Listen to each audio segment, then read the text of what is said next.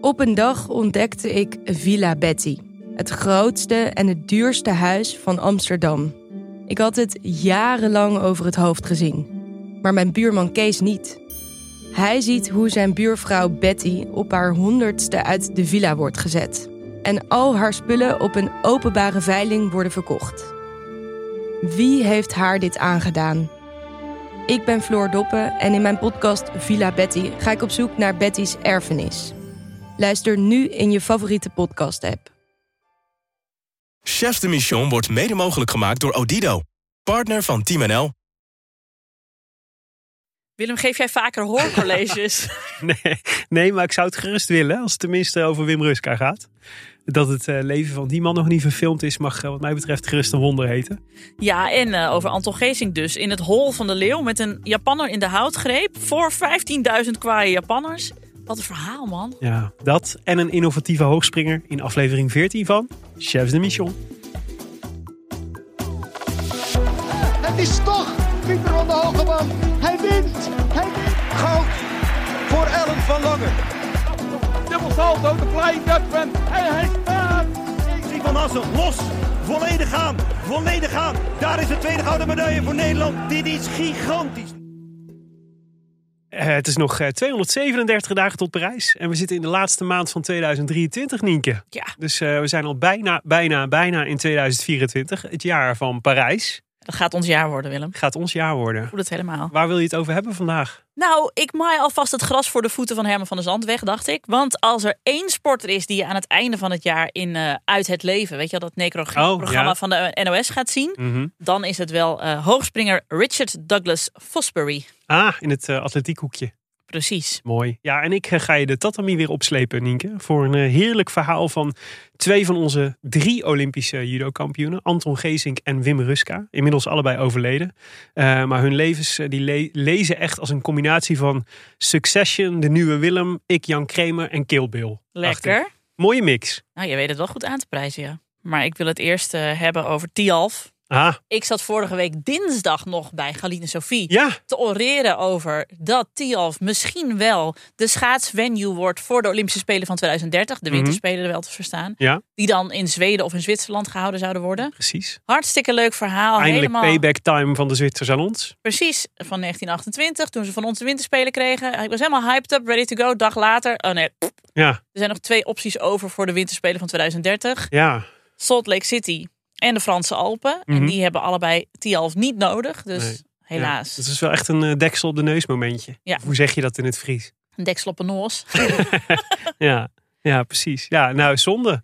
Eh, jij hebt ook eh, lezerspost gekregen over het WK handbal. Zo, ik werd stevig toegesproken door mijn tante Mai. Omdat ik een, eh een Madison niet over, of over het hoofd had gezien. Het was dus, nu, het, was dus een, het, het jonge talent van de, van de Nederlandse handbal is Lois van Vliet. En die komt uit Maden, net als ik. Ja. En net als tante Mai. maar dat had ik natuurlijk even moeten noemen. ja, Dat het zo was. want het gaat hartstikke goed eh, met de Nederlandse vrouwen. Die En met Lois van Vliet. Precies. Ja, De vrouwen zijn overtuigend groepswinnaar geworden. Eh, wonnen van Argentinië, eh, wonnen van Congo en wonnen van Tsjechië. Ja. Gaat hartstikke goed. Precies. Nee, dat gaat hartstikke goed. En eh Lois van Vliet gooide dus in haar debuutwedstrijd tegen Argentinië gewoon, eh, maakte gewoon al twee goals. Hatsa. Dus ik stel voor dat we vanaf nu eh Lois van Vliet watchers gaan worden. Vind ik bij Chef de Mission. Heel leuk. Loos van Vliet, wij zijn er voor jou. Mm. Hey, en eh Khalid Choukout, die deed in één keer mee in Valencia. Ja, Had jij dit eh, aanzien komen? nee. En hij liep dus ook meteen de Olympische limiet. En hij werd daarna geïnterviewd door de NOS. Ja. Hij mag dus naar Parijs. En het was ook zo lief, want hij kwam er op een gegeven moment... de laatste zeven kilometer, zei zijn trainer tegen hem... en nou moet je, je loopt op de limiet. Als je nog iets sneller gaat, zit je eronder. Denk aan je dochter. Ja. Toen had hij dat gedaan en toen had hij, had hij gewoon de limiet Ja, gelopen. dat was echt mooi hè. Ja. Maar het was dus heel dik op, dicht op, zijn, eh, zijn, eh, op de Amsterdam Marathon. Ja. Eigenlijk veel dichter dan normaal is. Maar hij vertelde dus dat die nieuwe schoenen, waar het natuurlijk heel vaak over gaat bij de marathon, dat ze supersnelle schoenen hebben waar je dus veel eh, harder op gaat. Mm. Dus dat de, de nieuwe marathontijden zijn eigenlijk niet meer te vergelijken met de oude marathontijden. Maar dat die dus ook zorgen dat je veel, dat je veel beter herstelt. Omdat het veel minder grote aanslag is op je benen. Waardoor het dus steeds makkelijker wordt om eh, kort na een marathon weer een marathon te lopen. Want anders was het echt. Want er zit geloof ik zes weken tussen. Ja. Tussen eh, Valencia en Amsterdam. Normaal gesproken moeten er echt zes maanden tussen zitten of zo. Nou, Dus, eh, maar ja, goed voor hem. Fijn dat het gelukt is. en wanneer krijgen wij deze schoenen? Een sponsor? was je van plan om een marathon te gaan lopen, Nienke? Nou, als ik de schoenen heb, dan wel. Ah. Hey, eh, en Sivan Hassan, die begon ook lekker à la Pieter Omtzigt te speculeren over haar Olympische marathon Ja, eh, deelname. ja, ja, we proberen natuurlijk eh Sivan Hassan te verstehen. Te kijken wat ze nou eigenlijk wil gaan lopen in Ja. Parijs. Want opties genoeg. Mhm. Eh, maar ja, het, het lijkt er wel toch een, steeds meer op dat er aanwijzingen zijn dat ze toch voor die marathon wil gaan. Ja, want ze zei ook bij de NOS, ik ben verslaafd aan de pijn van de marathon. Ja. Oké, Nou, good for you. jij wel. Jij wel. Ja, ik wacht nog even op mijn. Maar het lijkt me, ik bedoel, eh, de gedachte van Sifan Hassan die op de laatste dag van de Olympische Spelen Olympisch goud wint in Parijs op de marathon. Ja, ik, ik schiet mij maar lek, Nienke. Ik ben echt, ik ben helemaal warm van dit idee alleen al. Ja. Zou echt van, eh, oprecht hè, Nee, maar is niet overdreven. Het lijkt me fantastisch. Ja, en ook om heel om nog normaal gesproken, zo'n zo'n Olympische Spelen heeft ook wel eens de neiging om een beetje als soort van nachtkaarsje uit te gaan. Weet je wel, van dan hebben we weer alles gehad. En dan, maar nu hebben we dus iets om op de laatste dag naar uit te kijken. De Ja. allerlaatste medailles is de marathon. Dat is echt mooier dan de slotceremonie, Ja. sowieso altijd. Ja, nou, Sifan, leuk. Doe het. Oké, Willem Dudok. Ja, Jij bent eh, in het leven van tweede judoka's gedoken zo. en hebt dat zeer grondig aangepakt. Uh-huh. Je was eigenlijk de hele week niet bereikbaar voor wie dan ook, Nee. want je was alleen maar met Ik ging full bezig. Wim Ruska. Dus ik ben heel benieuwd Ja. waar dit verhaal ons allemaal gaat brengen. Nou, we beginnen in Japan. Oké, Dat zal je misschien niet verbazen. nee. Toch? Want judo is dus een, eh, van oorsprong een Japanse sport. Beetje boeddhistisch georiënteerde zelfverdedigingskunst. Eh, ontworpen ah, rond 1880 door Jigoro Kano. Mhm. Een bekende naam in het, eh, in het judo. Eh, en ze deden in Japan al jiu-jitsu en sumo worstelen en zo. En ook wel een beetje westers worstelen. En judo is eigenlijk een beetje een combinatie van die drie. Ehm, en voor het eerst kwam dus de judo op de Olympische Spelen in 1964 in Tokio. Mm. Dus de, de judo werd toen speciaal op die editie dus toegelaten om de Japanners ook tegemoet te komen. Om die nationale sport, hun nationale sport, te laten zien aan de wereld. Ah, Eh, en eh, in 1968 ontbrak het weer op het programma. En sinds 72 staat het eigenlijk eh, onafgebroken op, de, op het programma van de Olympische Spelen. Eerst alleen nog voor mannen en vanaf Seoul 88 ook voor vrouwen. En even zeg maar judo 101. Dus Ja? judoka's strijden met elkaar in zeven verschillende gewichtsklassen. Je hebt de allerlichtste gewichtsklasse. Dat is bij de dames is dat onder de 48 kilo. Ja, zegt heel licht. speciaal voor mijn linkerbeen. ja, daar kan jouw linkerbeen aan meedoen. ja, hartstikke leuk. En bij de mannen eh, onder de 60 kilo. Dan kan jouw linkerbeen. Daar kan mijn linkerbeen Nee, nee, dat is niet waar. ja. Ik zou wel redelijk aan de lichte kant zitten hoor, Ja. bij deze. En bij de, de zwaarste klasse is meer dan 78 bij de vrouwen en boven de 100 kilo bij de mannen. Mm. Eh, en sinds 2020, dus dan heb je, je hebt zeven verschillende gewichtsklassen bij, bij de dames en bij de heren. En sinds 2020 heb je ook nog gemengde teams tegen elkaar. Oh. Eh, dus je hebt in totaal 15 medaille-evenementen. Eh, en er is dus heel veel naar te kijken. Maar het, het, groot, het, is, het helpt je natuurlijk. De regels bij alles zijn hetzelfde. Eh, hoe je kunt winnen is hetzelfde. Dus je hebt eigenlijk 15 verschillende, 15 toernooitjes naast elkaar. Mhm. Hoe win je nou een wedstrijd bij het judo? Nou, dat gaat door dat je, succes, dat je technieken succesvol uitvoert. Eh, en voor een succesvolle uitgevoerde techniek krijg je een ippon of een wasari. Mhm. Die termen ken je wel, denk ik toch? ja, ja. Ik heb vroeger ook gejudo'd. Daar hangt hier ergens een, eh, een foto van mij in, een, in die judo-pak. Toen had je nog eh, ook koka's en yuko's als eh, mogelijke scoren. Ja. Eh, dat zijn, maar die zijn afgeschaft in de afgelopen jaren. Nu zijn het alleen nog maar wasaris en ippons. Wasari betekent in het Japans er is techniek. Dus je hebt iets laten zien wat, wat goed is. Oké. En ippon is, betekent een heel punt. En een heel punt is einde wedstrijd. Ja. Ehm, die koko's en, koka's en yuko's die bestaan weliswaar niet meer. Maar de scheidsrechter onthoudt wel, zeg maar, als jij dingen hebt gedaan die eh, een beetje in die richting wijzen. Dus Ja, dus ze tellen de Yuko niet meer, maar voor, Ja. voor de scheidsrechter telt hij nog wel mee voor de totale plaatje. Ja, precies. Ja, dus als bij een gelijkspel maakt het wel uit of je bijvoorbeeld een keer een houtgreep hebt gehad die dan korter is dan de duur die nodig is om een eh ippon te scoren, Ja. bijvoorbeeld. Eh, of doordat je een mooie aanval hebt gedaan, maar die net niet is, of actief hebt gejudo'd, bijvoorbeeld. Mhm. Maar je hebt wel nog negatieve punten. Eh, straffen voor negatief, negatief judo. Eh, dat betekent dus als je dingen doet die eigenlijk niet mogen. Of in judo-termen een shido, zo heet dat in het Japans. Eh, en daar komt dus ook een van mijn lievelingstermen om de hoek. Eentje die overigens ook zeer goed te gebruiken is in het dagelijks leven. Namelijk een rolletje wegens passiviteit. En passiviteit is dan de zonde. Dus je, bent, je hebt niet, eh, niet actief genoeg gejudo'd. En het rolletje is zeg maar, dat is dit. Ik maak nu een gebaar met mijn armen over elkaar. Dat is hoe de scheidsrechter een shido uitdeelt. Zo sta jij dan naast de echtelijke sponden. Ja, precies. Straf, straffen wegens passiviteit. Rolletjes wegens passiviteit uit te delen. Hey, Ja. Maar trouwens, help me nog even met die, met die puntentelling. Want Ja. een eh ippon is dus een volledig punt. Ja. En is meteen ook eh, klaar. Ja, een, Wasari is een half punt. een half punt. Ja, dus twee wasaris is één ippon. Oké. Eh, en die straffen hebben dus verder, dus zo'n rolletje heeft verder ook geen gevolgen voor het scorebord. Maar aan het einde van het spel kunnen ze wel voor winst en, of verlies zorgen als het gelijk spel is. Ehm, dus als een van de twee judoka's een shido heeft, dus een rolletje wegens passiviteit of een andere shido, eh, dan wint de judoka die dat niet heeft. Ja. Ehm, en eh, drie shido's, dus als je drie straffen krijgt, dat staat gelijk aan een hansoku mate. Oh. ik weet niet of ik het helemaal goed uitspreek, maar ik denk dat het ongeveer zo klinkt. Eh, en dat betekent eh, einde wedstrijd en verlies. Dus dan heb je ook verloren. Eh, en die krijg je ook rechtstreeks bij onsportief gedrag. Bijvoorbeeld als je je tegenstander bijt. Hm. Mag ook niet. Nee, niet bijten, niet passief. Nee, precies. Oké. Nou, en je kunt dus een wedstrijd winnen door je tegenstander te werpen met een techniek die met een ippon wordt gewaardeerd. Door een huidgreep aan te leggen die 20 seconden duurt. Of door de tegenstander tot opgeven te dwingen door bijvoorbeeld een armklem of een verwurging. Mm. Dan tikt die zo af op de mat Oh ja. of op je schouder. Ehm, er wordt dus gestreden om goud, zilver en brons. En dat doen ze dan in een afvalsysteem. Dus een soort, als je verliest, lig je eruit. Eh, dus eh, en, eh, dat is best wel hard. Want je kunt meteen in de eerste ronde tegen de grote favoriet komen. Of tegen de Olympisch kampioen. Nou, dan kan het zomaar zijn dat je wedstrijd na 10 seconden voorbij is. Ja, Nou, ik spreek hier uit ervaring. ik zag, ik zag de pijn in je ogen. Ik denk, ik vraag er niet naar. Ik Ja. dit. Hank 1983, denk ik, zo'n beetje. Iedereen weet het nog. Eh, alleen als je ver- verliest dan bij in de kwartfinale. eh, dus als je al een paar rondes gejudo'd hebt, zeg maar, dan krijg je aan je verlies, dan krijg je nog een herkansing. En dan kun je in een soort parallelpool kun je nog de wedstrijd om de derde plaats bereiken. Ja. Maar verliezen, betekent, verliezen voor de finale betekent dus per definitie dat je ofwel uitgeschakeld bent of alleen nog maar derde kunt worden. Mhm.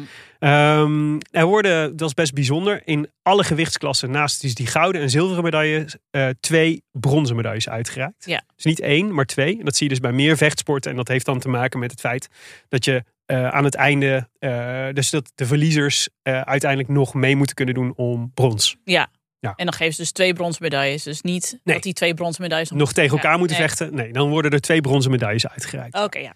Ehm, en het meest succesvolle land op de medaillespiegel, nou, dat zal je niet verbazen eh, in de geschiedenis van, het, van de Olympische Het zal Spelen. in Japan wel zijn. Japan, ja. En hoe? Want van de 152 gouden medailles die er in het judo sinds 1964 zijn uitgereikt, hebben zij er 48 gewonnen. Dus één op de, nou, vier, bijna één op de drie. Zo. Ja. Eh, op twee, heb je enig idee? Italië of zo? Nee, Frankrijk. Oh, Frankrijk. Ja, Ja. dat is natuurlijk 16, medaille, 16 keer goud en op drie Zuid-Korea met 11. Maar je ziet, dus nummer 2 is al 16. Dus Japan is echt by far het meest Mhm. succesvolle judoland. Eh er zijn maar 14 judoka's in de geschiedenis die drie of meer Olympische medailles hebben gewonnen in het judo. Maar er zitten wel twee Nederlanders bij. Onze Edith Bos Mhm. eh, won één keer zilver en twee keer brons. En Mark Huizinga, die won twee keer brons in eh, Atlanta en Athene. En natuurlijk ook goud in Sydney 2000. Ja. En Nederland staat in totaal op 24 judo-medailles. We wonnen vier keer goud, twee keer zilver en liefst 18 keer brons. Dus wij zijn wel echt goed in derde worden. Oh ja, sport. is ook wat waard. Ja, precies. Nou, dan eh, naar onze Olympisch kampioenen. Eh, en dat begint eigenlijk na de Tweede Wereldoorlog. Dan wil Japan wil graag het evangelie van judo verspreiden over de wereld. En om dat voor elkaar te krijgen hebben ze dan een programma waarin Japanse judoka's worden uitgezonden naar andere landen. Hm. Eh, en talentvolle judoka- judoka's ook omgekeerd af en toe een tijdje in Japan mogen, eh, mogen komen trainen. En een van de missionarissen, dus de Japanners die naar het buitenland werd gestuurd, was Ichiro Abe. En die werd naar België en Frankrijk gezonden. En die gaf daar onder meer les aan Jan van der Horst. En Jan van der Horst wordt alom beschouwd als een van de grondleggers van het judo in Nederland. En die had een judoschool in Utrecht, eh, eind jaren 40, begin jaren 50. Judo-instituut Van der Horst op het Oud-Kerkhof. Jij Oh. bent eh, oud-Utrechtse, dus je, dit zal jou is. vast bekend zijn. Ja, ja, ja. En een van zijn eerste leerlingen daar is ene Antonius Johannes Geesink. Roepnaam? Anton, Anton. ook uit Utrecht. Ook uit Utrecht, precies. Anton Geesink, geboren op 6 april 1934 in Wijkzee in, eh, in Utrecht. Eh, in een huis ja, in, in, in, in bittere armoede. Een huis ja, waarin dat is echt een krottenwijk, eh, Wijkzee. Ja. ja, iedere vorm van luxe ver te zoeken is. Dus geen sanitaire voorzieningen, geen stromend water. De keuken waar ze tegelijk ook hun bed hebben staan. Ja, echte ermoei, zoals we in Brabant zouden zeggen. Ja. Eh, en in 1948, dan is Geesink 14, dan is hij op slag verkocht als hij in stadion de Galgenwaard van eh, FC Utrecht tijdens de pauze van een wedstrijd eh, een demonstratie van judo ziet. Dan denkt hij, dit wil ik ook. En tegelijk raakt hij in de ban van de Olympische Spelen naar aanleiding van beelden die hij ziet van Londen 1948. Ah, Ik vermoed Fanny Blankers-Koen. dat zal ja. Ja, eh, het gaat ook lekker met Geesink eh, en zijn judo-school. In 1951 wordt, hij- wordt hij voor het eerst Nederlands kampioen. In 52 voor het eerst Europees. En judo wordt in die jaren ook wel echt een cultsport. Eh, en dat is eigenlijk mee, komt eigenlijk mede door dat er een stripboekenreeks uitkomt van Dick Bos. Ah, ken jij? Dick Bos, die naam doet wel een belletje rinkelen Ja, inderdaad. privé, die, pri- pri- privé detective. Die ehm, veelvuldig judo-worpen inzet om de wereld te redden van schurken. Eh, en vonden ze natuurlijk in de jaren 50 best wel een beetje spannend en gewaagd en zo. En dus ouders waren een beetje zo mopperend als kinderen Dick Bos lazen. Mhm. Maar al die kinderen vonden het natuurlijk super spannend. en het was, daardoor werd het ook wel echt een eh, inspiratie voor een snel groeiende groep judoka's. Hmm. Want het werd in één keer een soort cool, weet Ja, je wel? Dat ja. stond in die stripboeken. Nou, en het held, de held van die generatie, eerste generatie judoka's die opkwam, was Anton Geesink. Ehm, er is alleen één probleem met judo. Want Geesink vond judo heel vet, maar vond ook de Olympische Spelen heel vet. Ze Hm. had een Olympische droom. Maar judo maakte in die tijd nog geen deel uit van het Olympisch programma. Eh, en Geesink wilde toch meedoen aan de Olympische Spelen. Dus wat moet je dan doen? Een andere sport kiezen. Oh, echt waar? Heeft hij nog iets anders gekozen? dan? Geesink gaat Grieks-Romeins worstelen. Ach, natuurlijk. Ja, en echt een klassieke Olympische sport natuurlijk. Ja. En eh, het niveau heeft hij. Hij wordt ook drie keer Nederlands kampioen, Grieks-Romeins worstelen. Maar toch laat het Nederlands Olympisch Comité hem niet afreizen naar Rome 1960. Hmm. De reden, hij was dus in de jaren 50 naast eh, judoka was hij bouwvakker. Eh, maar inmiddels bezat hij een sportschool in de Utrechtse wijk Ondiep. Eh, en dus vinden ze hem bij het NOC geen amateursporter meer. Jemig. En dat is de status die nodig is om, naar- om afgevaardigd te worden naar de Spelen. En eh, daar wordt naar algemeen wordt aangenomen ook Geesings afkeer van Nederlandse sportbestuurders geboren. Wat- waar ik me Eh, iets bij kan voorstellen. Ja, Ja, maar wat hij later dan zelf ook alweer goed maakt, zeg maar. maar hij, ja, hij ligt ze ook wel pootje. Al bij Mm. elke gelegenheid die hij krijgt. Mm. Maar dan wordt Geesink eh, zo rond de tijd van de Spelen van Rome. dat er in 1964 in Tokio. dat judo wel Olympisch gaat worden. En dus keert hij terug naar zijn oude liefde. Want hij denkt: hier komt, hier komt alles samen. Ik kan nu gewoon judoën en ik kan het, eh, ik kan het op de Spelen gaan doen. En in 1961 behaalt hij dan al zijn eerste megasucces. Dus in Parijs wordt hij als eerste niet-Japanner wereldkampioen in de open klasse. En onder meer door drie Japanners te verslaan. Dat was echt een, een big deal. Ja. toen. Eh, Zo'n big deal zelfs dat bijvoorbeeld Frankrijk, ook een judoland in opkomst, hem dan een Frans paspoort aanbiedt. Eh, omdat zij, zij, zij denken, ja, wij willen graag dat die Geesink voor ons komt Ah, judo. mais oui, Anton Gissink. Geesink weigert. En eh, uiteindelijk, maar het blijft natuurlijk het probleem. Hij is profsporter. Maar met dank, zegt hij zelf, aan Prins Bernhard. Die persoonlijk voor hem gaat lobbyen bij het Nederlands Olympisch Comité. Mag hij dan uiteindelijk toch naar de Spelen. Ondanks het feit dat hij een eigen sportschool heeft. Wat hebben veel handjeklap mensen toch altijd iets te danken aan, aan Prins Bernhard. Ja, dat is ook wel echt zo'n rode draad. Maar Ja, goed. ja, die kon je wel goed in je kamp hebben na de Tweede Wereldoorlog. Ja, zeker. Ja. Ehm, hij is overigens de enige niet die naar de Spelen gaat. De Nederlandse afvaardiging eh, voor Tokio bestaat uit vier judoka's. Dus Geesink, de tweeling Jan en Peter Snijders en Joop Gouwenleeuw. En die laatste mag mee eh, na een lobby van Geesink zelf. In plaats van een andere judoka. Die sinds 1963 ook in zijn sportschool in Ondiep trainde. Ene, Wim Ruska. No, Ja. echt waar? Over wie we zo nog te spreken komen. Ja, Dus Anton Geesink wil hem niet mee hebben naar de Spelen. ja, ja. Oh, Ja, en het, eh, nou ja, we, we komen in eh, Tokio. Het is, eh, dat judo-toernooi is voor Japan een fantastisch succes. Ze winnen alle categorieën. Echt glansrijk. Dus het hele land zit op zijn kop. Judo is natuurlijk de belangrijkste sport daarvoor voor de Japanners in Tokio. En we komen aan bij de laatste dag. Alle Nederlanders liggen er dan al lang uit. Behalve onze grote kampioen Anton Geesink. Eh, en eh, nou, we zitten in de Budokan. Eh 15.000 uitzinnige Japanners op de tribune. Eh, klaar om de kroon op het werk te zetten van, eh, van, de, van de Olympische Spelen en het judo-toernooi. Er zit ook een handjevol Nederlandse sporters om Geesink aan te moedigen. Eh, heel bijzonder, via satellietverbinding zijn er voor de eerste keer live beelden van een sportwedstrijd die rechtstreeks de wereld ingezonden worden. Al moeten wij het in Nederland dan nog wel midden in de nacht met een radioverslag doen. En Geesink judo dan in de finale tegen Akio Kaminaga. Klinkt een beetje als een Bondfilm. Viel heel erg mee. Eigenlijk was Geesink veel meer de Bondfilm. Eh, maar het oogt een beetje, als je die wedstrijd kijkt, als een ongelijke strijd. Want Geesink is bijna 20 kilo zwaarder en 20 centimeter langer dan zijn tegenstander. Eh, maar goed, die Kaminaga is wel echt heel erg goed. Eh, vooral staand, staand judo. En terwijl Geesink echt de meester is van het grondgevecht. Oh ja. Dus eigenlijk is de opdracht voor Geesink om hem zo snel mogelijk bij de grond te krijgen. Want daar, daar kan hij hem het beste hebben. En op een gegeven moment zet Kaminaga dus een armworp in. Geesink neemt over, werpt hem op de grond en neemt hem in de houtgreep. En daar heeft Geesink hem nu te pakken. Dat wordt een houtgreep. Een houtgreep over de heen. Daar gaat de tijd in. En nu tellen de seconden. Maar Hofer spartelt naar Kaminaga. Houdt hem vast, Geesink. Hij heeft hem met de linkerarm om de hals. Er zijn nu 20 seconden bijna om. Direct kan ogenblik het signaal klinken. Ja, en ja, 120 kilo aan pure kracht. Zie je daar maar eens onderuit komen, Nienke. Nee, als je 20 centimeter kleiner bent. Nee, ook eh, lekker intimiderend. Je ziet eh Geesink die Kaminaga de hele tijd voortdurend een beetje spottend in de ogen kijken. Terwijl hij hem in de, in de houtgreep heeft. En die Kaminaga die probeert echt wat hij kan. Dus die worstelt en doet. En, eh, maar het lukt hem gewoon niet. Eh, de scheidsrechter tikt af. En Geesink is Olympisch kampioen. De tiende minuut verstreken is. Daar klinkt het. En daar is Geesink winnaar. Hij heeft hem. En daar willen die Nederlanders onmiddellijk... De allereerste Olympisch kampioen op het koningsnummer van het judo. Op de Spelen in Japan. De bakermat van het judo. Ongelooflijk. Ongelooflijk. In de Budokan. in de Budokan. De Nederlanders zijn euforisch. Eh, de Japanners op de tribune ontsteld. Mensen zitten met hun handen in het haar, het hoofd gebogen. Ze zijn teleurgesteld. Ze voelen zich vernederd in eigen huis. Ehm, de Japanse coach laat zijn hoofd kaal scheren. Oh, Als een soort zelf opgelegde sta- straf voor deze ultieme vernedering. prima joh. En, eh en Geesink wordt dus de held. Ook in Tokio, maar dus mede dankzij Geesink niet als sporter actief, maar op de Bonnefoy, Wim Ruska. En dat was in die tijd op de Bonnefoy naar Japan. was ook niet iets wat iedere Utrechtse nee, komen we zo op. Wim Ruska, Wim, eh, Willem Ruska, Wim voor Intimi, geboren op 29 augustus 1940 in Amsterdam-West. Mhm. Goed om te weten, zes jaar jonger dus dan Anton Geesink, eh, maar een beetje dezelfde generatie.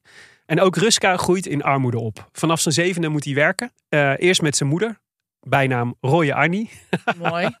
Moet hij eh, kolen sjouwen in een school in de buurt. Drie verdie- school, schoolgebouw van drie verdiepingen. En dan klas voor klas overal kolen brengen, om, eh, zodat de kachel, eh, de kachel kan blijven branden. Zeven jaar, hè, even. Zeven jaar. En dit ja. is dus in naoorlogs Nederland, hè? Naoorlogs Nederland, ja. Zo. Bittere armoede. Ja. Maar voor het trainen van kracht en doorzettingsvermogen voor een topsporter met terugwerkende kracht, best een goed idee. ja, zeker.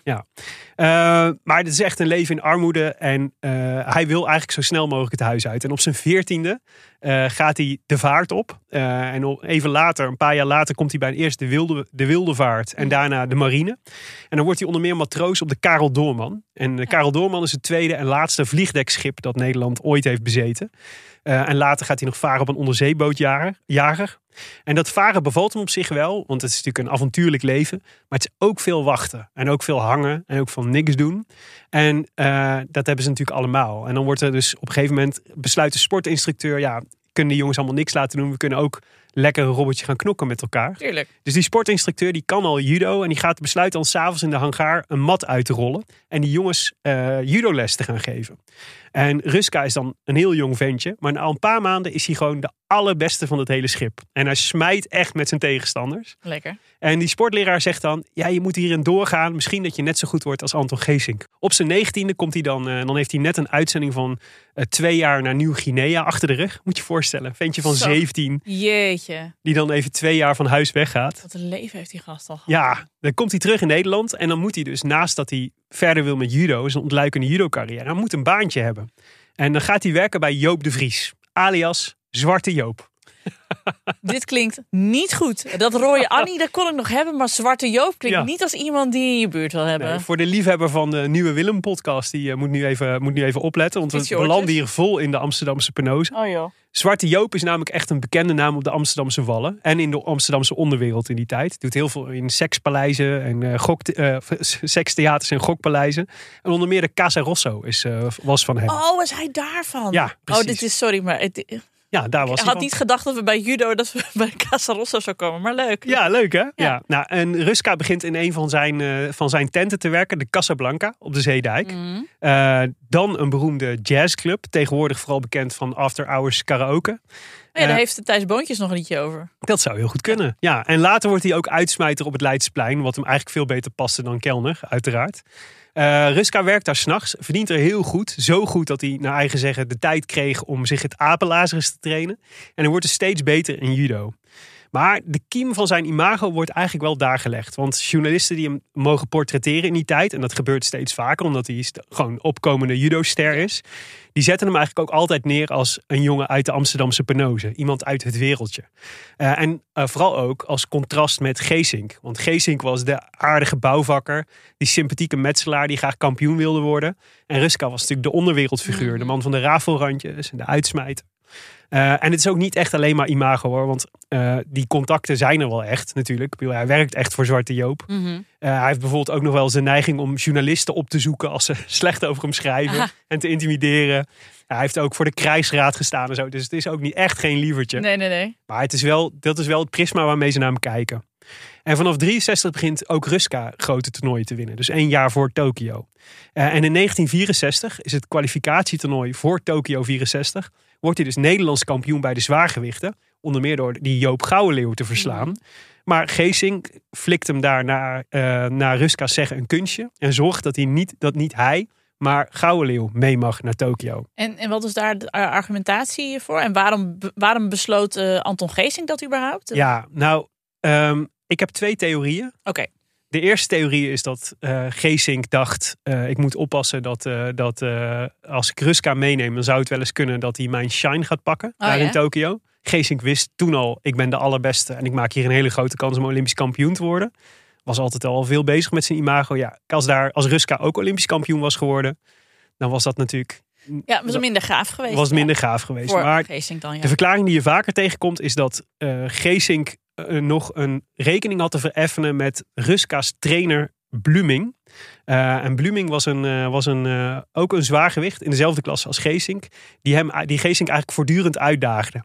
Dus die heel veel praatjes had, Oh. maar eigenlijk een, nooit echt tot een confrontatie liet komen. En Geesink was daar zo kwaad over dat hij eigenlijk niks te maken wilde hebben met dat hele kamp. Oh. En dus Ruska ook thuis liet. En Gouwenleeuw was dan weer iemand met wie hij heel vaak trainde. En, Hij wilde gewoon liever Gouwenleeuw mee dan, dan de leerling van zijn aardsvijand. en er was dus geen bondscoach die dit besliste, maar het was dus gewoon Anton Geesink die dit mocht beslissen. Ja, Geesink was eh, kennelijk toen al eh, de, de, de, de grote chef. Ja. Opmerkelijk. Maar dan begint een verhaal, Nienke. Oké, ik, Ooit- dacht, ik vond dit al intensief. Het is ooit opgetekend door Mart Smeets. En Ja? waag het niet om dit ooit dood te checken. Oké, Maar Ruska gaat dan dus toch naar Tokio. ja. Op eigen houtje. Eh, hij gaat dan met de trein heel Rusland door. En dan met de boot naar Japan. daar doet hij een week over om daar te komen. Komt hij in Yokohama aan met een koffertje. En zegt hij één briefje van duizend in mijn achterzak. Oké, want dat, een briefje van duizend in zijn achterzak. Kan natuurlijk. ja. Ehm, krijgt dan hulp van een, eh, van een Hollandse zakenman. Die later de oom blijkt te zijn van Pistolen Paaltje. Later blijkt. Ja, mag dan eh, in- bij die man eh, op de bank in zijn hotelkamer slapen. Heeft, dan, contact, heeft dan contact met de, met de Nederlandse ploeg die dan in Tokio zit. Eh, en- en zegt, ja, jullie moeten, kom maar gewoon hierheen. Dan, dan kijken we wel wat we voor je kunnen doen. En, ehm, maar ja, hierheen is dan Tokio, zeg maar. Ja. Tokio is best wel groot, dus dan heeft hij nog steeds geen idee waar hij moet zijn. Belt dan na een dag zoeken Anton Geesink zelf. eh, Hm. Gewoon door te vragen, eh, door steeds door te vragen. En Anton Geesink die eh, legt dan uit waar hij moet zijn. Maar toeval. Wim Ruska vindt nooit waar Anton Geesink gezegd heeft dat het is. Goh. En dan, ehm, eh, nou ja, hij neemt een taxi, zegt dan op een gegeven moment, ja, ik moet gewoon naar het Olympisch dorp. Komt dan alsnog bij die Nederlandse judoka's terecht. Eh, maar mag het eh, Olympisch dorp natuurlijk niet binnen, want hij is helemaal geen Olympische sporter. Nee. Hij hoopt er wel op dat hij alsnog mee kan doen, maar dat is helemaal, daar is helemaal geen sprake van. En ehm, hij komt dan het Olympisch dorp binnen door zich samen met iemand anders in de taxi in de, in de achterbak het Olympisch dorp binnen te laten rijden.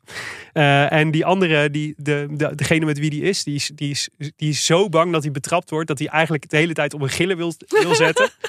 Dus moet, hij moet hem echt zeg maar zo zijn, zijn mond dicht houden met, eh, met, z'n- met, z'n- met zijn hand. Ik hoorde hier de hele tijd ook zo'n soort van jaren zestig Ja. Deutsche Creamy-achtige Ja, muziekje onder, zeg maar. Dat, dat is het wel echt, ja. Ja. En hij is vooral blij dat hij, dan, dat hij in het Olympisch dorp komt, omdat daar een enorm restaurant is. En dat hij sterft van de honger na, na al die tijd. Ja.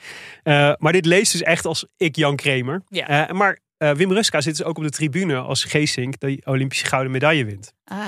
Ehm, en in datzelfde prachtige verhaal van, eh, van Mart Smeet staat dus ook een eh, anekdote over Geesink. Die dan op een gegeven moment kerstvers Olympisch kampioen is. Samen met Ruska inmiddels eh, na het toernooi een biertje staat te drinken in een of andere bar in Tokio. En dat er dan een woeste Japanner op Geesink afkomt. die hem met een fles bier op zijn kop wil slaan. Omdat hij boos is dat, dat Geesink van Kaminaga heeft gewonnen en de Japanners heeft vernederd. En Ruska zegt dan tegen Geesink: nee, hou je maar even in, stap maar even opzij. En Ruska slaat vervolgens die Japanner knock-out. Moet een nacht in de cel doorbrengen. Heftig. Komt op de voorpagina van de Nederlandse Telegraaf dat een Nederlandse judoka op de Olympische Spelen zich heeft misdragen omdat hij een Japanner heeft neergeslagen. Ja. Oh. Eh, en eh, dit is typisch Ruska. Dit is typisch Ruska. Zegt, Ruska zegt dan: ja, ik kon, kon het eigenlijk nooit goed doen. Heb ik Geesink verdedigd, krijg ik alsnog Ja. dit soort gezeik. Maar na die avond met, eh, met biertjes samen in, en wat hij daar gedaan heeft, zegt Geesink: ja, het klopt, ik heb een fout gemaakt. Jij bent beter dan Gouden Leeuw. Wil je niet bij mij in de sportschool komen trainen? Eh, dat gebeurt. Ruska komt bij Geesink in de sportschool trainen. Geesink is natuurlijk veel groter en zwaarder. Dus in eerste instantie gooit die Ruska alle kanten op. Maar die Ruska wordt steeds beter. Maar die Geesink blijft hem ook steeds een beetje afknijpen. Hmm. Want heel veel judoka's uit zijn school mogen dan stage gaan lopen in Japan. Want Geesink is daar natuurlijk de grote man. Heeft er Ja. allerlei contacten. Maar Ruska nooit. En het lijkt er een beetje op dat Geesink nog steeds bang is dat mogelijk succes van Ruska ook zijn, hem wel eens zou kunnen gaan overschaduwen. Ja, en dat ook misschien dan het idee van... oké, ik heb nu dus Olympisch goud... maar dan Ja. moet niet te snel iemand achteraan komen... die Nee. straks ook Olympisch goud Het gaat ten koste van mijn Ja. legende. Ja, precies. En in 1968 staat er dan weer geen judo op het programma. Maar wel weer in 72. En Ruska wordt in 67 wereldkampioen. In 71 wereldkampioen. De Spelen van München komt eraan. En hij bedenkt zich dan... Hoe vet zou het zijn als ik niet in één, maar in twee Olympische klassen wereld, of, eh, Olympisch kampioen zou Oeh. worden. Dus bij de zwaargewichten en in de open categorie, Oh ja. waar Geesink eh, de regerend kampioen is. Oeh. En hij besluit dan, ja, dit is, dit is top. Dit ga ik doen. Dus hij gaat een, nog, een jaar nog harder trainen. Elke dag zes uur. Hij gaat dan op stage bij Isao, I- Isao Okano in Japan. Die ook goud had gewonnen in Tokio. En dat is een beetje een soort kill bill. Want daar moet hij om, s ochtends om zes uur opstaan. Sprinten tegen bergen op. De trappen van tempels oplopen. Heftig. Boven komen met het gevoel dat ze dolken in je benen staken. Ja, het is, het is echt, het is gewoon kill bill 1 en 2. Mhm. Eh, en met resultaat. Want op 31 augustus 1972 wordt hij Olympisch kampioen judo in het zwaargewicht. De formidabele prestatie van Wim Ruska roept herinneringen op aan de Olympische Spelen in Tokio. Toen Anton Geesink Olympisch judo-kampioen alle categorieën werd. Die titel wil Wim Ruska ook nog halen. Maar voorlopig lijkt hij dik tevreden met deze gouden plak. 31 augustus 1972. Maar wat gebeurt er op 5 september 1972? De aanslag. De aanslag. Ja. Aanslag van de Palestijnse terreurbeweging Zwarte September in het Olympisch dorp, waarbij elf Israëlische sporters en officials worden vermoord. En we hadden het hier natuurlijk al een beetje over in de aflevering over wielrennen met eh, Henny Kuiper. Ehm, eh, dat kleurde natuurlijk alles. Hè? Eh, als er al aandacht was voor de sportprestaties, dan moesten ze toch vooral uitleggen waarom ze waren doorgegaan Ja. na die aanslag. Maar Wim Ruska won dus voor de aanslag. Zijn, eerste gouden medaille. Ja, dus Ja. je zou zeggen dat is geen besmette medaille. Ja, Nee. dat wordt het natuurlijk wel door de geschiedenis, maar Ja, ja. Nee, ja, precies. Maar Ruska gaat dus ook door. Mhm. Eh, er waren andere atleten die, eh, die naar huis gingen, maar hij bleef. En hij vond ook dat hij, eh, zegt hij zelf, in München voor het examen van zijn leven stond. Hij dacht, als ik nog één, ik moet die medaille winnen, die tweede medaille winnen, dan ben ik geslaagd. En hij dacht zelf ook, ik dacht toen dat mijn hele toekomst ervan afhing. Ach, dus er stond nogal wat op het spel. Hij had ook verder, je moet ook bedenken, hè, dit is een ongeschoolde jongen eh, die... ja, dat denk ik ook net. Het is een gast die op zijn zevende aan het werk moest. Ja. Het is een jongen die al, die al in het leger heeft gezeten en bij de marine. En eh, ja, als judo dan je leven is, wat, wat heb je nog op, terug te vallen? Precies. Dus hij dacht, dit is mijn kans. Dit Ja. is, dit is, als ik dit win, dan is mijn kostje gekocht. En dan sta ik volgende week weer op de Zeedijk Precies. mensen uit een kroeg te slepen. Ja, nou, hij wint dus ook dat tweede goud. Eh, maar op de persconferentie na, dat, eh, na die zege kunnen ze hem... Hij zit daar euforisch achter, de, achter een tafel. Mm. Maar die journalisten kunnen eigenlijk alleen maar vragen... wat nou eigenlijk de waarde van zo'n titel is... naar die Palestijnse aanslag. En of hij niet... eh, waarom hij niet zo niet politiek bewust is. eh, en waarom het. En de volgende dag zegt Ruska, word ik dus afgeschilderd door de pers als een domme jongen. Ja. Eh, en ja, hij baalt dan als een stekker, want dan weer is hij het zwarte schaap. Het lijkt wel, zegt hij zelf, alsof ik niks goed kan doen. Ja. Eh, ik, dus mensen vonden me geen Olympisch kampioen, maar een politieke onbenul. Daar kwam het eigenlijk op neer. En dat zet wel een beetje het beeld voor de geschiedenis definitief vast, denk ik. Dus Ruska als de Amsterdamse Penoze-jongen die twee keer goud won op besmette spelen. Eh, en Geesink, die arme nette metselaar die in het hol van de leeuw het allereerste judo-goud wegkaapte. Mhm. Nou, dan weet je wel wie er in de beeldvorming wint. Ja, ja, ja. Lang leven Anton Geesink.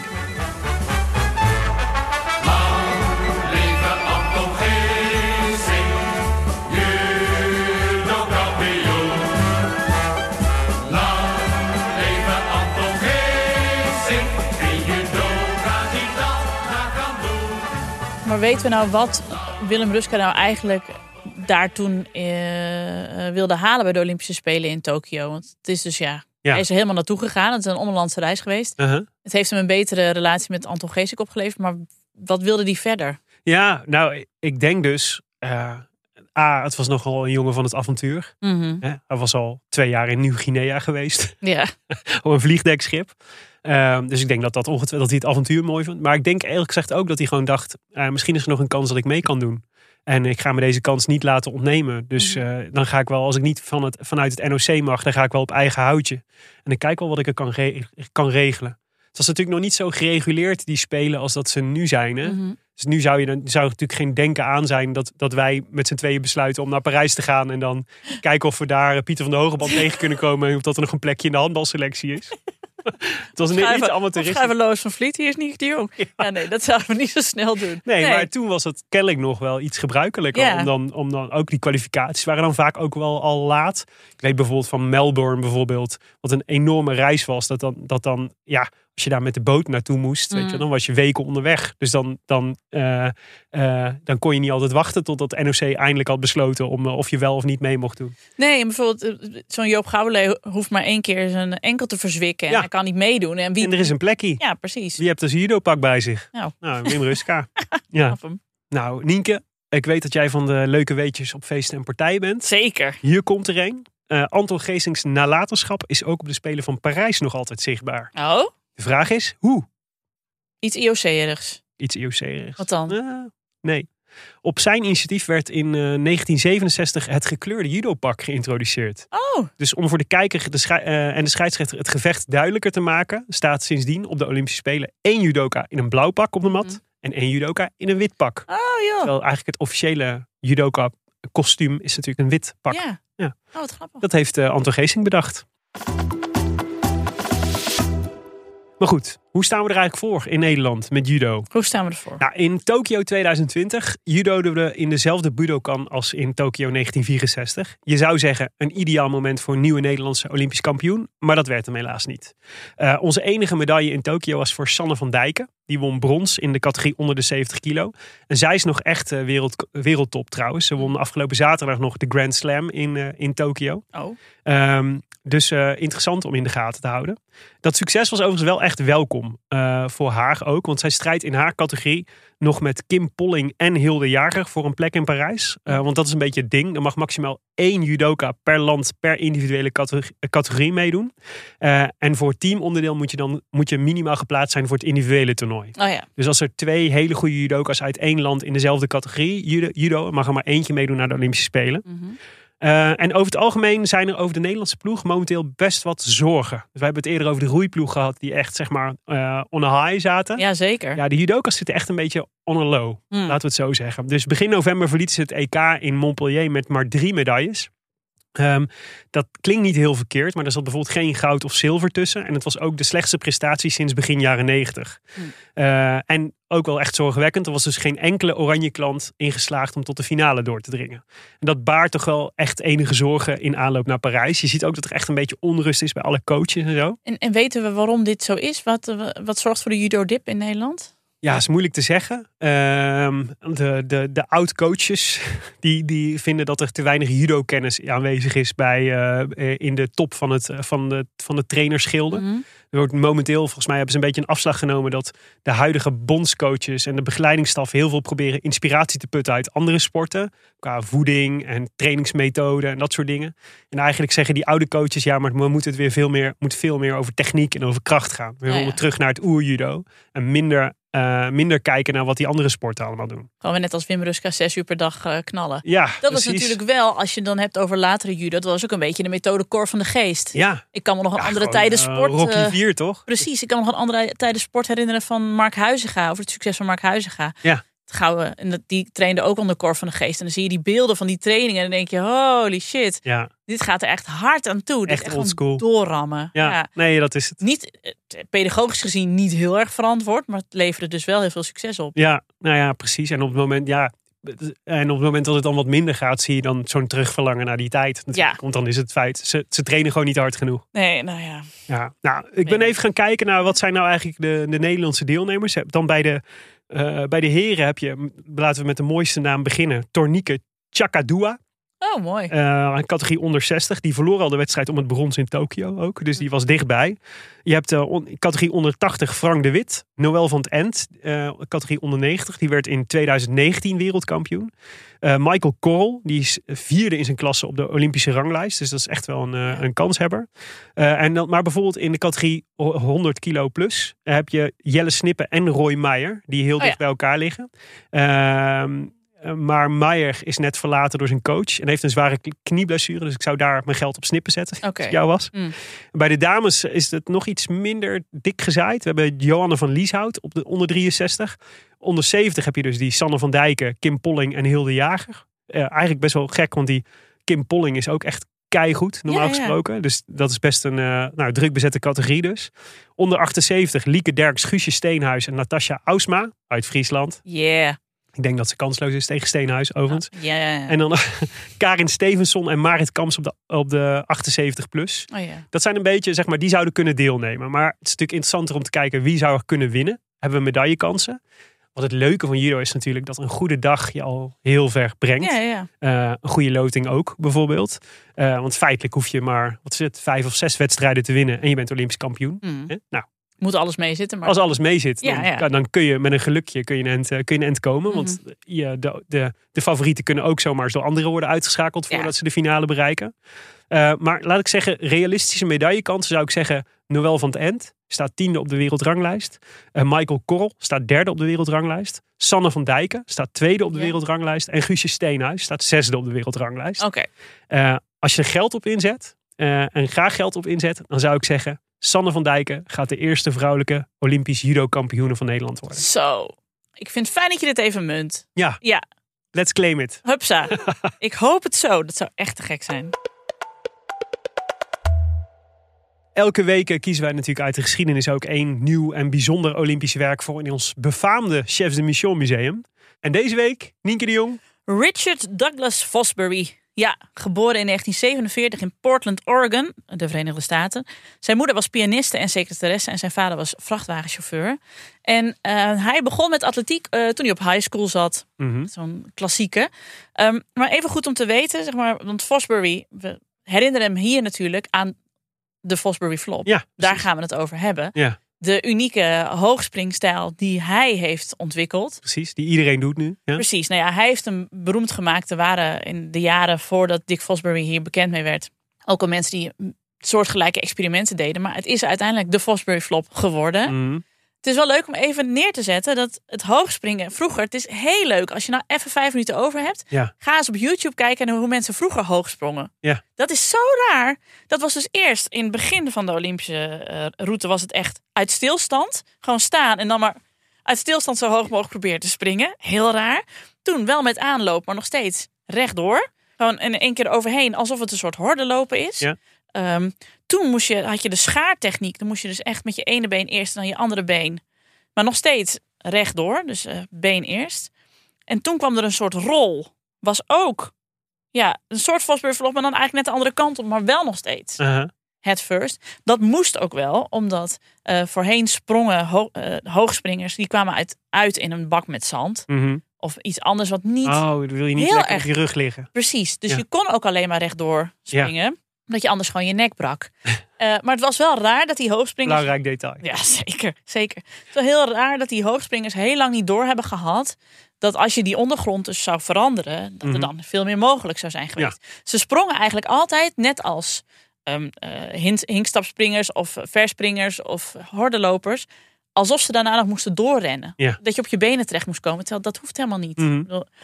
Nou goed, terug naar Dick Fosbury. Die zat dus op high school. Hij zat in het atletiekteam. Hij vond hoogspringen hartstikke leuk. Maar hij was helemaal niet goed. Hij kon niet meekomen met zijn teamgenoten. En hij raakte daar zo gefrustreerd over dat hij dus begon met, experimenteren om te kijken hoe kan ik nou wel Ja. goed eh, eh, die, eh, de, die, die hoogtes halen. En hij moest dus iets doen. En hij kwam er dus achter dat het beter ging wanneer hij zijn romp draaide.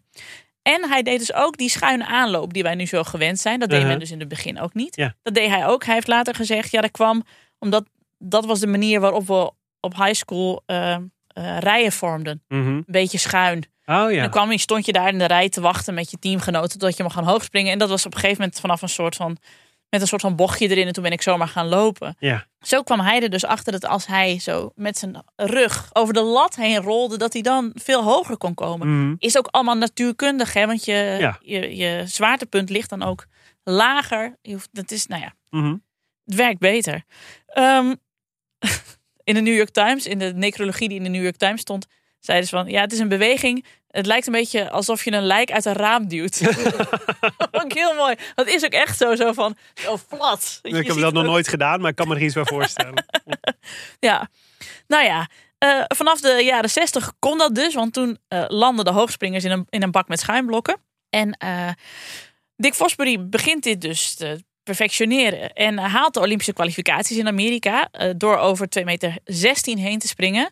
Ehm, maar er komen dan nog eh, nieuwe Olympische kwalificaties. Dit is allemaal voor de Olympische Spelen van Mexico Mhm. in 68. Maar ze gaan dus. Het Amerikaanse Olympisch Comité denkt. Ja, deze drie hoogspringers die nu naar de Olympische Spelen mogen zijn wel goed. Maar we moeten ook nog even op hoogte trainen. Want in Mexico moeten ze op hoogte springen. En blijven dan deze drie mensen wel overeind. Mhm. Dus weer Olympische kwalificaties. Nou, dan haalt hij net de limiet. Eh, dus die kwalificaties. Dus hij mag naar Mexico in 1968. Maar Dick Fosbury is een beetje een Einzelganger. Het is niet zo'n Mhm.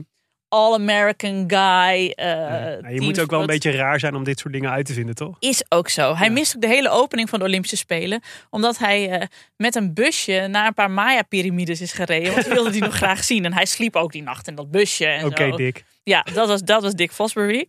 Eh, maar het gaat wel goed in het eh, hele Olympische toernooi. Want hij haalt de Olympische finale. Er zijn er nog drie overgebleven hoogspringers. Dick Fosbury, zijn teamgenoot Ed Caruthers en Valentin Gavrilov van de Sovjet-Unie. Nou, Gavrilov die komt niet over de 2,22 meter heen. Mhm. Eh Caruthers komt niet over de 2,24 heen.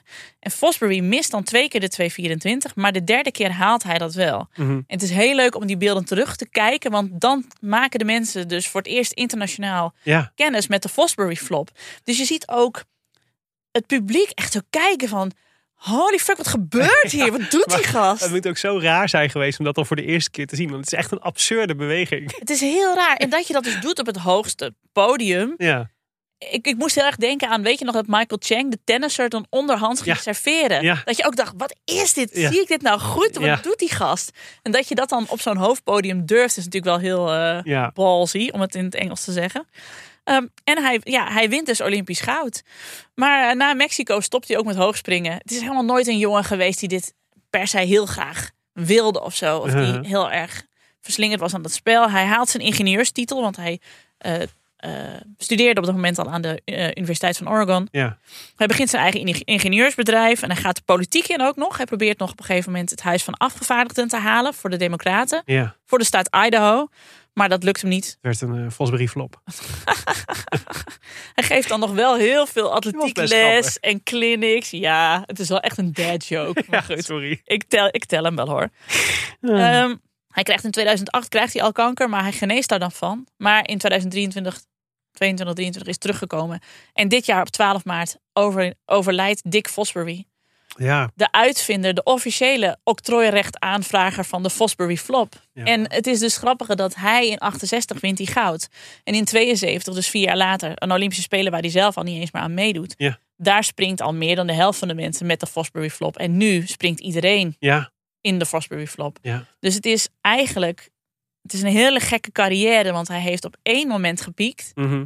Had hij dat op een normale manier gedaan, dan had Ja. ik het hier nooit over Dick Fosbury gehad van Nee. dat is die gast die in 68 goud om bij het hoogspringen, ja, whatever. Ja. Maar omdat hij het op die bijzondere manier deed, Ja. is zijn legacy, zijn erfenis, is voor altijd vastgesteld. Veel bijzonder, hè? Zou je nou, zou je nou, zou, zouden we nu uitontwikkeld zijn qua hoogspringen? Of zou er nou ergens ter wereld iemand zitten te denken: ja, maar we moeten dit, we moeten echt heel anders springen? kan het totaal anders. Ja, Dat weet ik niet. Nou, moet staan met mijn voeten eerst of zo. het wereldrecord is natuurlijk nog wel echt omhoog gegaan sindsdien. Ja, Het ligt, ligt nu, ik weet niet eens, ah, boven de 230. Ehm, maar dat heeft dan denk ik toch weer te maken met schoeisel en ja dat zal wel. Ja, ja, precies. Maar het is toch fascinerend dat je, het is zo'n zo'n enorme innovatie gebleken voor deze sport. Ja, Ja. dat dat dan dus gewoon kan doordat iemand denkt, ik doe het eens een keer ik ga het andersom. anders doen. Ja, En in welke sporten zou dat nog meer kunnen? Zou je ineens iemand hebben die dan ineens totaal iets anders doet? ja. Waardoor je, waardoor ja je zou zeggen, misschien is het de staat van de wetenschap inmiddels zover dat we het gewoon allemaal kunnen simuleren. En dat we wel weten wat er ongeveer het optimum is, hoe je je lichaam moet, eh, zich moet gedragen of Ja. moet houden om het, eh, om het optimale uit te halen of zo. Ja, want was dit, natuurlijk in die tijd was het vo- natuurlijk veel meer trial and error. dit, is gewoon, dit was gewoon een 16-jarige high school leerling. Die Ja. dacht, ik ga het eens een keer anders Stront eigenwijs was. Ja, dat is heel wat anders dan Ja. een schaatscoach die precies weet welke wattages een pupil schaatst en op welke manier die zijn been moet afzetten, want dat hij de maximale krachtsoverdracht heeft. Ja, heel wat anders. Klopt. Nou, mooi. Goed verhaal. Dick Fosbury, nou je ziet hem eind eh, december terug. Ja, in, bij Herman eh, van der Zand. van der Zand. Leuk. Het eh, Chefs de Mission Museum kun je vinden op Instagram. Chefs de Mission. Als je suggesties hebt, stuur ons dan even een berichtje. Dan bouwen we samen aan een hele vette collectie. Eh, we hadden ook weer berichten van luisteraars, waarvoor onze grote dank. Voor, bijvoorbeeld van Charles Lips. En die zei: Ik vroeg me af of jullie eens wat boeken over de Spelen kunnen aanraden. Keep up the good work. Groeten, Charles. Ja, nou, goede vraag, vond ik. Ja. Eh, ja, natuurlijk, die hebben we al eerder getipt. Dat boek van eh, Jurit van der Voren over Amsterdam 1928 in 28 verhalen. Eh, nou is Charles Lips volgens mij een Belg. Dus misschien vind je dan Amsterdam minder interessant. Maar misschien is er ook wel een vergelijkbaar boek over Antwerpen. Zou leuk zijn. Zou leuk zijn. Ben ik, zou ik benieuwd naar zijn. Ik heb ook al een tijdje, maar ik moet eerlijk zeggen, ik ben nog niet verder gekomen dan de eerste paar pagina's. Een boek van Richard Moore, een eh, Britse journalist. eh, vorig jaar denk ik overleden. Plotseling was wat van de cycling podcast, was hij altijd. Wauw. Eh, maar die heeft een boek geschreven dat heet The Dirtiest Race in History. Ben Johnson, Carl Lewis en the Olympic 100 meter final. Oh, lekker. Ja, en dat is volgens mij is dat echt een waanzinnig verhaal. Dus daar, die zou ik je ook wel durven tippen. Die durf ik je wel blind te tippen. Ja. En, jij, Nienke? Nou, en ik wou zeggen, over dat laatste boek, dat laatste verhaal, daar komt zeker nog een chef's de Ja, over. zeker. Ja, ja, ja. Nou, er komt met kerst, eh, is in Amerika in de, in de bioscoop. Ik weet niet wanneer die hier uitkomt in Nederland, maar komt Ja. The Boys in the Boat komt uit. Ja, Ehm, een film van, uit mijn hoofd, volgens mij George Clooney de producent. Ja. Eh, over eh, de jongens die in 1936 op de Olympische Spelen van Berlijn, tata, daar is hij weer, in de Amerikaanse roeiboot roeien. In de Amerikaanse mannen, heren 8. Mhm. En dat zijn allemaal jongens die zich van onderop hebben eh, ontworsteld aan het, eh, het Amerika in de, in de crisis van de jaren 30. Dus dat is een heel interessant verhaal. En daar hoort een boek bij, dat heet De Jongens in de Boot van Daniel James Brown. En dat eh, kan ik je tippen. En ik heb natuurlijk ook al heel vaak het boek van Auke Kok over de Olympische Spelen van 36 getipt. Nou, zeker lezen, want dat vind ik Ja, echt... het is inmiddels wel een beetje verplichte kost. Zeker. En ik had nog even gevraagd op Instagram naar suggesties van, eh, van eh, onze volgers daar. Welke onderwerpen zij graag nog eens behandeld zouden zien in eh, Chefs de Mission. Ja, Nou, daar kregen we een eh, heleboel antwoorden op. leuk. Eh, meer dressuur, meer Brit Dekker. Meer dressuur, minder Brit Dekker. Usain Bolt, Inge en Pieter. Greg Louganis. Alle gekke onderdelen van het baanwielrennen. Rugby Sevens, het Olympisch Dorp. De Losersvlucht. Daley Thompson. De broertjes Brownlee. De Heineken, het Holland Heinekenhuis. Khalid Choukout. Dorian van Rijsselbergen. En de geschiedenis van het handboogschieten. Lekker. Onder andere. Ja, en iemand had ook nog over de marathon van Gerard Nijboer in 1980. En ik ga meteen, denk ik, oh ja, Ja, fantastisch. nou ja, in combinatie met Khalid Choukout. Hè? Kunnen we dat verhaaltje. zeker doen. Ja, ja, ja. Nou, dank voor al jullie input. Want eh, dat maakt eh, het maken van deze podcast nog veel leuker. Ja, we nemen het allemaal mee. Zeker. Ja, wat kijken we de komende week? Ja, Lois van Vliet natuurlijk. Zeker. Als Lois van Vliet watchers kunnen we eigenlijk niet anders. Een Team NL eh, bij het vrouwenhandbal gaat eh, de knock-out fase in. Te zien op eh Viaplay. Eh, en ehm, nou ja, we moeten, moeten zich, eh, die kunnen zich op dit toernooi dan kwalificeren voor een OKT. En via het OKT kun je dan weer op de Olympische Spelen terecht. Of, of winnen, want dan hebben ze, hebben ze zich direct geplaatst. dat zou niet eens naar het OKT. Met een winnende goal van Lois van Vliet bijvoorbeeld. Jeetje. Ja, nou dan heb je de andere tijden dat in zou de droom zijn. Ja, precies. Ja. Tegelijk is er het eh, EK Korte Baan, zwemmen in eh, Roemenië. Is eh, vanaf vandaag tot, tot en met komend weekend te zien op NOS Sport. op 5 december, dus Ja, vanaf Ja. Sinterklaas. hartstikke leuk. Ben benieuwd. Ja, en volgende week in Chefs de Mission gaan we hockeyen. Ja, leuk. Moest toch ook een keer, hè? Moest ook een keer. Ja, doorgaans een succesvol onderdeel voor de Nederlandse equipe. Maar dat succes kwam niet altijd zonder slag of stoot. Nee. Bijvoorbeeld bij de mannen in 1996. Ja, Oh. Atlanta 96. We hebben de Bas van der Goor ook over gehoord. Precies. Ja. Nou, eh intriges, ruziende mannen, eh Jacques Brinkman, Wilde feestjes. Maurits Hendricks, zeker wilde feestjes. En the greatest of all time bij het eh, Nederlandse mannenhockey, Stefan Veen. Ja, beschouw jij Stefan Veen als de GOAT? Niet, eh, bij het Nederlandse mannenhockey, ja, al, al floppy hè? ja, of, Teun, Teun, Teun de Nooier zou ik Teun de zeggen. Toch de kruif van het hockey was dat. Nou, Ja, laten we, hier, ja, eh, laten nou, we proberen om hier volgende week een definitief antwoord op Dat te is lijkt me formuleren. een hele goeie, ja. En we kunnen een polletje op de gram gooien natuurlijk. Doen we. Ja, en eh, in het eh, museum ga ik de, de wandelende dad joke Pang Wij zetten. Ehm, ja, dat is de Olympisch kampioen op de 10 meter met het luchtpistool. En ik vond dat altijd heel erg grappig dat hij Pang heette. Ja. En eh, toen dacht ik, ja, dat is natuurlijk heel grappig. Maar het is ook wel, is, het is ook wel een beetje makkelijk. En het devalueert wel dat die man gewoon Olympisch goud heeft gewonnen. Precies. Dus kunnen we dan, en dan wil ik liever wat meer weten over Pangwij. Dat dacht ik. Dus dit is volgens mij dit is, eh, dit is een prachtige moment, een prachtige aanleiding om meer te proberen, meer te weten te komen over Pang. En het is ook wel, ik moet zeggen, dat, je merkt dat steeds bij deze podcast. Het is echt best moeilijk om mooie, originele te verhalen te vin- vinden die niet uit Amerika, Engeland, Europa, Australië komen. Mhm. Het, laat zeggen, de, het Afrikaanse of Zuid-Amerikaanse of laat staan het Aziatische perspectief is gewoon best wel moeilijk te vinden soms. Mhm. Eh, daar, die verhalen zien wij gewoon, die komen wij gewoon minder tegen. Terwijl Ja. het Olympische geschiedenis is natuurlijk ja, wereldwijd. Dus Mhm. ook daar moeten prachtige verhalen zijn. Dus ik dacht, laat ik nou eens eh, mijn, mijn, mijn geliefde Pang eh, nemen en kijken wat ik allemaal over hem kan vinden. Heel leuk. Ik kwam al één dingetje tegen, zal ik je vast melden. Nou. Pang is dus getrouwd met, eh, met Du Li. En Du Li is eh, ook Olympisch kampioen. En ze, haar bijnaam in China is The Goddess of Shooting. Lekker. Dit was aflevering 14 van Chefs de Mission, gepresenteerd door jouw Chefs de Mission Willem Dudok en Nienke de Jong. Deze podcast is een productie van Dag en Nacht Media en Podimo en de redactie is in handen van Maaike van Leeuwen en Jip van Meel. Ja, en de redactie van Dag en Nacht Media is weer op zoek naar stagiaires. Dus ben je gek van podcast? Wil jij net zoals onze Jip meewerken aan het maken? En volg je een opleiding die daar een beetje aan verwant is? Check dan eh, dagennacht.nl slash werk. En reageren kan tot 17 december. Ja, doe Nou. hoor, is leuk. Nou, en als je hier... Ik zie, kijk nu naar Jip van Meel en ik zie zijn gelukkige snuitje. Mhm. Hij steekt twee duimen op. Hij kan het je van harte aanraden. Wil je reageren op deze show? Bijvoorbeeld zoals velen met u met grandioze Olympische tips? Volg Nienke, mij en het Chefs de Mission Museum dan via het Chefs de Mission op Instagram. Nou, en heb je weer met plezier geluisterd naar deze aflevering? Zeg het verdorie eens een keer voort en tip ons aan ettelijke vrienden en vriendinnen. Hoe meer mensen Chefs de Mission ontdekken, des te meer mooie afleveringen kunnen we maken. En zeg nou zelf, dat vergroot ieder zin in Parijs. Met de Olympische groetjes van uw Chefs de Mission en tot volgende week.